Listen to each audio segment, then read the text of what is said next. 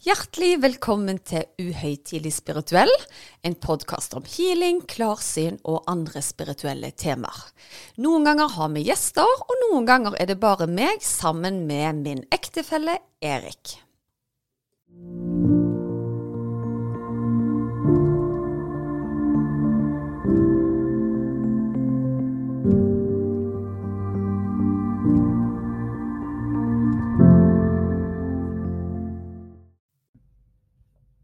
Ja, altså Susanne. Da var vi tilbake igjen med podkasten vår.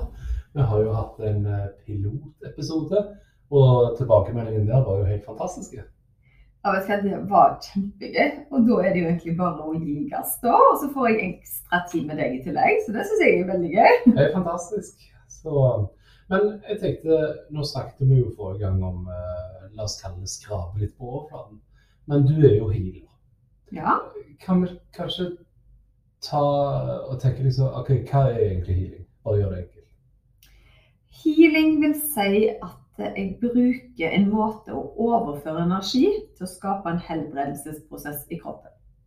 Og Det er helt sikkert ulike måter å gjøre dette på, men jeg har da tydeligvis en evne til å sette i gang den prosessen i kroppene til folk, sånn at de blir bedre i forhold til symptomene sine. Og Det gjelder både kropp, sjel og sinn. Det høres jo dypt ut. Ja. Men kan du ikke fortelle litt? altså, Si nå er jeg en person. Jeg har aldri vært hos eh, healer, vet ikke så mye om healing. Men jeg vet jeg har en plage som jeg gjerne ønsker at andre skal ta en titt på. Hva skjer når jeg eh, sitter på venterommet hos deg, og så åpner døren seg? Da ønsker jeg deg selvfølgelig velkommen. Og så er det sånn at jeg allerede dagen før begynner å kjenne litt på energiene. Og da kan folk spørre seg om hvordan kjenner du på energiene. Og da er det nesten som å bruke en radiokanal hvor du tuner deg inn på den personen som har bestilt time. Og så får jeg da en følelse eller erindring av over plagene i kroppen, og hvor vi da skal begynne å jobbe. Så ved første møte så vil jeg ofte gå igjennom de tingene jeg da har, har uh, fått beskjed om.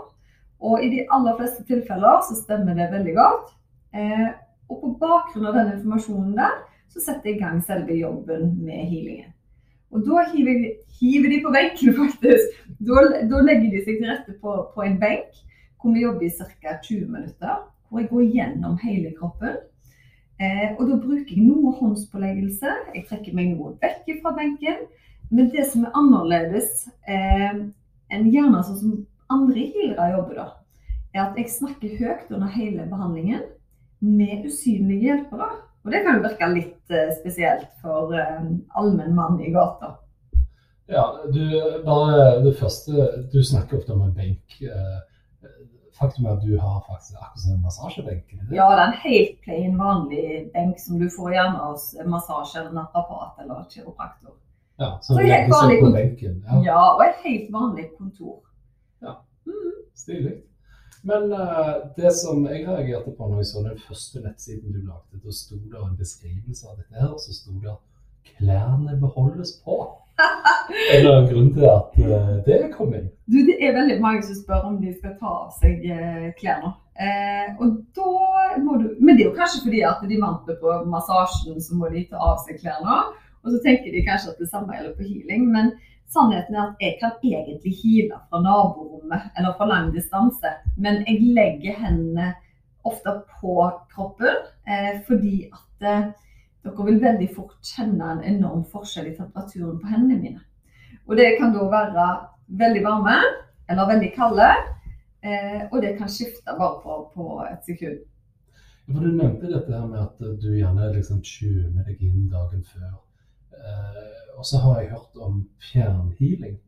Kan du ikke forklare litt hvordan dette her fungerer? For det er en person som gjerne går til legen og han knekker litt på nakken, eller et eller annet sånt, det er jo ganske konkret. Men du snakker altså om at du hadde møtt en person hjemme, og så skal du hile fra avstand. Ja, da kan jeg forklare det. Jeg må jo prøve med forklaringsmodeller da, som folk eh, forstår. Og Hvis du ser for deg Beatles, da. Du kan enten gå på konserten direkte med dem, eller du kan spille plater deres. Eh, og da er det egentlig for eh, meg til å tune meg inn på den sangen jeg vil av på Beatles, og så hører jeg på den. Og det er litt på samme måten, altså at jeg innhenter informasjon om den personen det gjelder, og så sender jeg kraft i den retningen.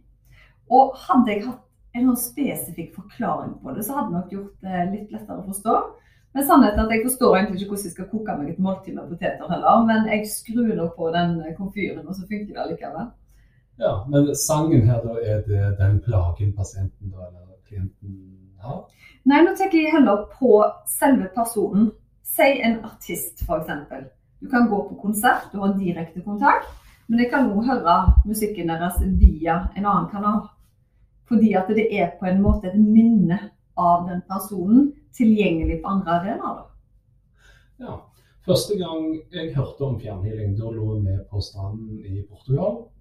Og jeg får da en telefon fra min berømte mormor. Ja, du nevnte jo vel, altså. ja, i forrige episode. Du må bare gjøre det tre ganger, da blir du berømt. Ja. Nei, og hun hadde jo da veldig vondt. Det var vel i ryggen, eller jeg husker ikke akkurat hva det gjaldt den gangen.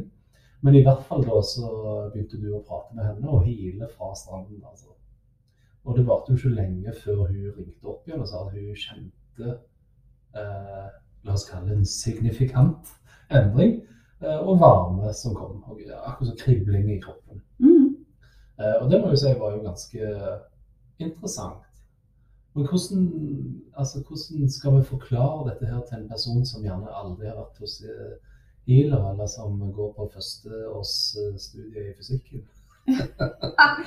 vet du hva, heldigvis så trenger, vi ikke forklare alt som fungerer. Jeg vet ikke hvor mange som får en pille av legen og tenker yes, strålende, det fungerer kjempefint. Eh, men akkurat i forhold til denne krafta her, så skulle jeg ønske at jeg hadde en større forklaringsmodell.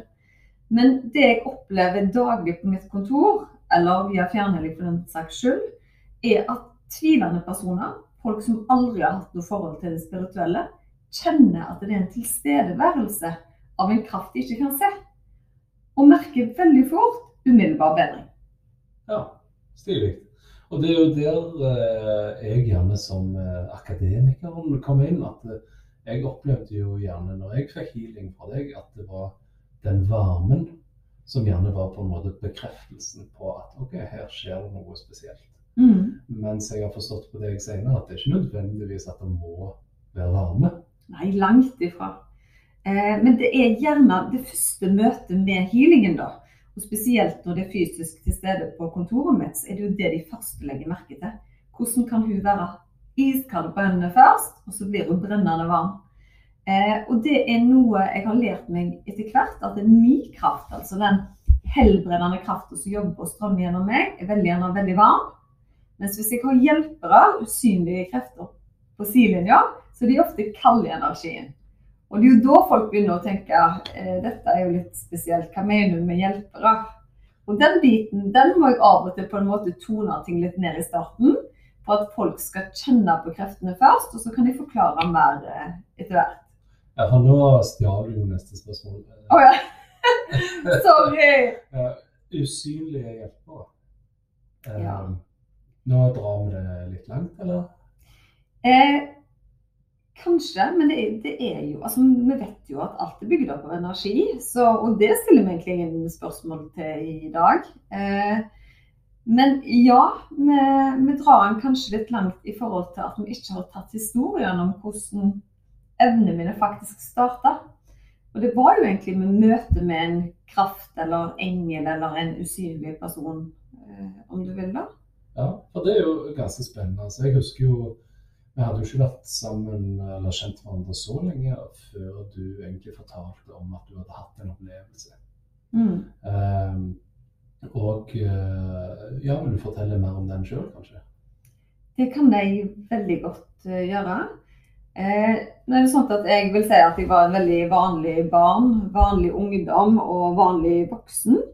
Eh, og jeg hadde fått meg jobb i Stavanger i Radio 1 på det tidspunktet. Var selger, hadde, var ferdig med min bachelorgrad i markedskommunikasjon og kom til byen. Og så hadde jeg på en måte sånn vanlig ritual som jeg gjerne har i ungdom, eller ungdommen. Jeg var jo 20 år da.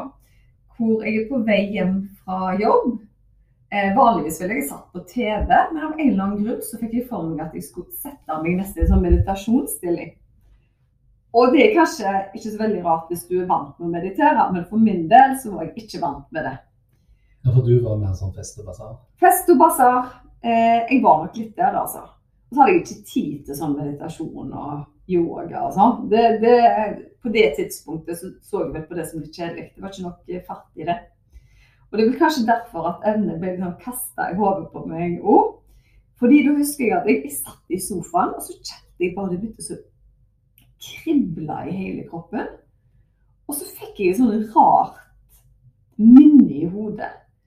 Og så var det bare på repeat, så sa det altså navnet på en kollega av meg, som heter Einar. Og så sa de Einar Føflekk, Einar Føflekk, Einar Føflekk. Så tenkte jeg det var veldig rart.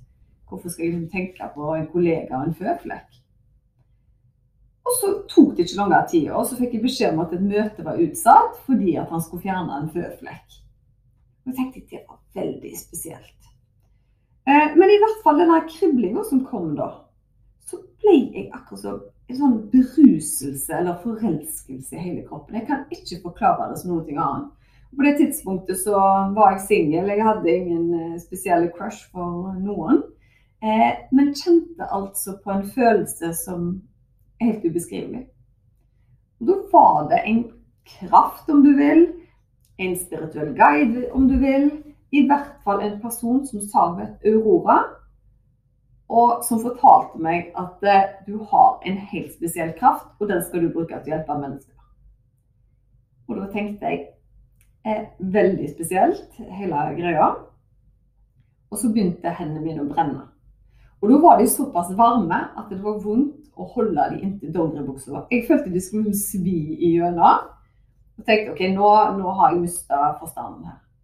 Så da måtte jeg ta en telefon til mamma og det er jo litt morsomt. fordi når jeg da ringer til mamma og sier eh, Mamma, jeg tror jeg har tørna. Eh, fordi det er et vesen her som kaller seg Aurora, og sier at jeg skal hjelpe folk. Men da er mor mi helt fantastisk. Så sier hun ja, men Susanne, sånne engler og sånn, de heter ikke Aurora, de heter Gabriel og sånt. så da var det litt sånn OK, det er kanskje ikke poenget, men det er i hvert fall noe rart som skjer. Og Da kunne hun faktisk berolige meg med at hun hadde vært hos en klarsynt person for mange år siden, som hadde fortalt meg at den eldste datteren kom til å ringe hjem om en helt spesiell åndelig opplevelse, at hun da skulle tro på det.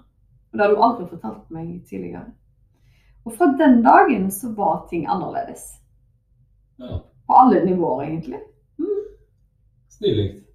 Og så begynte du å ta dette her med deg da på fest og det ble jo partytriks. Plutselig så kjente jeg parfymelukt gjennom telefonen, og jeg kjente på bussen hvor folk hadde vondt. Og jeg var veldig frista av og til til å spørre du, har du vondt i armen, jeg kan fikse det. Eh, så, så, det var egentlig at akkurat som over natta var skrudd på. At nå kan du ta inn andres smerte, og ikke bare det, du kan gjøre noe med det. Og en kort periode da, så fikk du nesten sånn ansvar for alle som hadde vondt i hodet. Og det er jo alltid noen som har vondt en plass når du går forbi deg. Og da følte du liksom en sånn en Å, skal jeg gi beskjed til han at han kan bli kvitt tannpinnen sin eller hodepinen sin? Og sånn. Og det var faktisk en opplevelse hvor jeg da kom på jobb etter noen dager og kjenner at det er en mann som har sånn tannpine i heisen. Og jeg følte at den heisturen som egentlig sikkert tok fem sekunder, tok en evighet. Og idet vi skulle gå ut, så spurte jeg han har du tannpine. Han bare ja, jeg tror jeg kan hjelpe deg. Og det gikk veldig fint. Det var ett knips til, så var den tannpinen vekke. Mm. Ja. For den knipsingen du snakker om, det, har du et eksempel? Jeg tenker For er det en schwung over det knipset der. Nå prøvde jeg. Nå er ikke jeg pålogga healing, og da er det en helt sånn vanlig bytteknipsing. Men når det virkelig gjelder, da smeller det som et klapp. Så det er veldig mange som tror jeg klapper på kontoret, f.eks. Og det, jeg har lært meg det at hvis jeg skal bedøve kroppen, si jeg har vondt i en albue og jeg skal sette en bedøvelse, så blir det sånn byttknips hvis jeg ikke treffer. Og så blir det et kraftig smell i det jeg treffer. Og da vet jeg at å, der er du mye bedre. Ja. Ganske kult. Ja, ganske stilig. Men tilbake igjen til din eh, på en måte, la oss kalle det en prosess. da. Mm. For dette var jo ganske nytt for deg. Ja. Eh, og du er jo som mennesker flest, da, så er det noe nytt, så vil du gjerne ha bekreftelse eller avkreftelse og sånne ting. Men du òg henvendte deg gjerne til alternative personer for å snakke om dette, gjorde du? Nei, vet du hva, egentlig så er det litt, litt motsatt. Fordi jeg, eh, jeg tror vi var inne på det kjapt i piloten eh, på episoden. Men det var egentlig at jeg tok kontakt med en nevrolog bare for å vite sånn generelt om ok, vil jeg treffe drømmemannen, eller skjer det noe i livet mitt på privaten snart? Og da var hun mye mer opptatt av at jeg hadde en spesiell kraft i meg. Og det, det husker jeg at det, det gadd jeg bare. Ja, OK. Mm -hmm, ja, og hva med dette kjærlighetslivet? Eh, så på det tidspunktet der så var det liksom ikke noe jeg forsto. Jeg, jeg, hadde ingen forhold til det. Jeg var veldig opptatt av å være karrieredame, og min retning var i oljebransjen. Så, så det var aldri noe sånt at jeg oppsøkte spesielt det alternativet. Eh, men når dette da skjedde, så måtte jeg jo selvfølgelig ringe opp igjen til hun numerologen og si at vet du hva, det i hermetegn speisa greiene du fortalte, at jeg hadde en spesiell kraft, og at noe spesielt kom til å skje i livet mitt, det har nå skjedd. Og da brukte jeg jo selvfølgelig hun som rådgiver en kort periode. Og så rådførte hun meg til egentlig å satse. Du måtte hjelpe folk. Du må ikke sitte i oljebransjen. Du må gjøre dette på heltid. Ja. Eh, og så ble det jo faktisk det at du gjorde det. Du starta din egen klinikk. Det gjorde jeg i 2009. Etterfulgt, altså På bakgrunn av at det var så enorm eh, kapasitet og pågang da, på, på de som ønska hjelp. Og hva var det egentlig som gjorde at liksom, ting tok, tok av, hvis man kan kalle det det? Det var nok flere komponenter som gjorde at det tok av på den tida der. Eh, men jeg vil henge en knagg spesielt på at Snåsamannen han, eh, han ga beskjed på det tidspunktet at han ville pensjonere seg. Og i den tida der, parallelt, så ble jeg kontakta av NRK, for de hadde fått flere henvendelser av mennesker som hadde fått hjelp. Og Da var det bl.a. en dame med en lammelse i en fot som jeg hadde vært på besøk hos, og som ble frisk i foten sin. Og Hun tok da kontakt med NRK, og de hadde fått flere andre henvendelser av mennesker som hadde fått livet sitt forandret. Eh, og da takket jeg ja til å være med i en dokumentar på NRK gjennom Migrapolis, eh, hvor jeg fremdeles jobber i oljebransjen, men hvor de ville egentlig sånn følge meg gjennom en dag om hvordan jeg opplevde evnene min. da. Og jeg tror egentlig ikke på det tidspunktet at jeg egentlig skjønte hvor mye det skulle forandre livet mitt. Og det var nok noen usynlige krefter, hvis vi snakker om det igjen, som har trukket litt tråder. Fordi det var ikke bare NRK som tok kontakt, Hjemme Ukeblad tok kontakt, Lokal-TV tok kontakt. Så plutselig så befant jeg meg inn i en sånn virvelvind av folk som ville ha en bit av Gila og Susanne. Ja. Men du, du, nevner jo liksom mye av at dette starta for deg gjennom den uh, altså denne aurora som kom til deg. Ja. Men uh, når jeg snakker med moren din, så merker jeg jo at det gjerne har vært signaler fra barndommen som vi kan på en måte plukke litt opp nå og forstå litt bedre. Mm. Og det, det, har du nok rett i, fordi det er veldig mange spør meg om ble du ikke redd når du plutselig går ifra å være i hermetegn en vanlig person som plutselig ser folks smerte, og så får et kall om at du kan hjelpe å gjøre dem bedre, da. Men for meg så var det det mest naturlige som fantes. Jeg tror nesten som hvis du har et talent i å springe, og du aldri har vært på en løpebane før, og de sier 'gi gass, spring', run ja, run for your life! Og så bare springer du, og så mestrer du det, og du bare Altså, jeg er født til dette her. Jeg visste bare ikke om det. Og når jeg hadde den åpningen der, så falt egentlig bare ting på plass. Fordi jeg havna så mye opp i trøbbel da jeg var liten. Jeg kunne fortelle hjemme om naboer som skulle skille seg, eller folk som var syke. Eller jeg gjetta i hermetegn hva, hva som var riktig på prøvene. Og jeg kom meg alltid gjennom det med fakta korrekt. Og jeg trodde i hele livet at jeg var himla god i gjette. Jeg var en racer i å gjette på skolen og skilsmisser og den type ting. Men jeg hadde nok eh, kanskje en litt usedvanlig kontakt, da. hvor jeg innhenta informasjon som jeg trodde gjerne alle gjorde, men som de gjerne ikke gjorde. Heftige bachelorgrad, altså. En heftig bachelorgrad. Jeg skal love deg, de eksamenene jeg leste på, fikk jeg average. Det jeg ikke hadde tid å lese på, fikk jeg toppscore. Og ved to anledninger så fikk jeg A-plass, for å si det sånn, uten å ha lest det faget. Heftig. Mm. Ja. Men vi har jo òg et eksempel bl.a. etter Migrapolis. da. For meg og deg har jo snakket mye om dette. ok, Healing-evne kom først i voksen alder. Men da var jo meg og deg faktisk ute på et kjøpesenter i Haugesund når det var ei dame som hooka tak i oss. Husker du det? Nei. Da fortalte jo hun at eh, hun har ei datter som jeg lekte med når jeg var liten. Og er hun som jobber i butikk? Yes! Ja, ja, ja, ja. Ja, Vil du fortelle litt om hva hun sa da til oss? Nei, altså hun hadde jo også sett dette her Migrapolis-programmet, og hukte tak i oss da eh, i butikken. Um, og eh, hun kunne jo da fortelle en historie hvor du hadde vært hjemme og lekt eh, med hennes datter. da, ja. Eh, og så kom datteren sprengende og sa at Susanne sine hender brenner. Ja. Og jeg måtte jo stille flere spørsmål til henne, for dette er jo noe jeg ikke husker. Mamma husker det ikke. Og etter dette igjen så fikk tok hun datter kontakt med meg for å bekrefte den historien. At de var ikke overraska når de så meg på Migrapolis og fortalte om evnene. Og de, hun kunne fortelle mora at det var ved flere anledninger jeg bare hadde lagt hendene på plasser som var vonde, og så var smertene vekke. Og det var litt sånn allment kjent, da. Tydeligvis. Eh, no. og, og da har jeg vært veldig ung. Det er tidligere enn barneskolen, altså.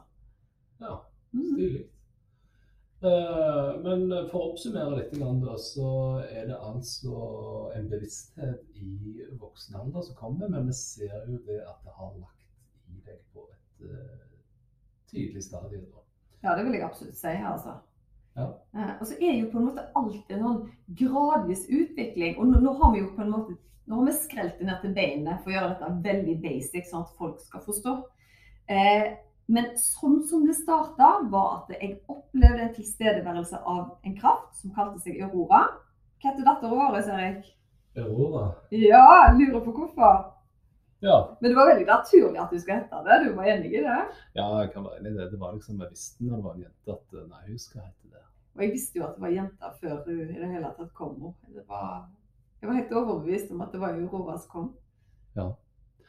OK. Uh, nå har vi snakket litt om din barndom, litt om uh, healing uh, og utviklingen. Jeg gleder meg til å høre enda mer om hva som kommer senere.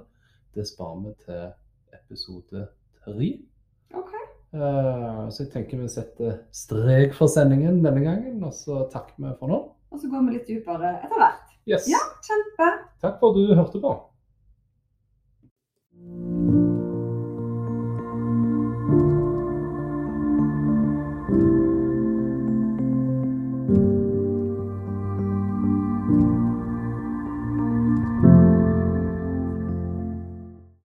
Visste du at du kunne ta kontakt med meg hvis du ønsker å få satt opp en personlig healingplan? Da er det bare å kontakte meg via Instagram eller på e-post, så gjør jeg det helt kostnadsfritt. Da er det mye lettere å vite hvilken healing du skal velge, til hva tid du skal bruke den, og for hvor mange uker du bør benytte deg av dem. Gå inn på healersusanne.com.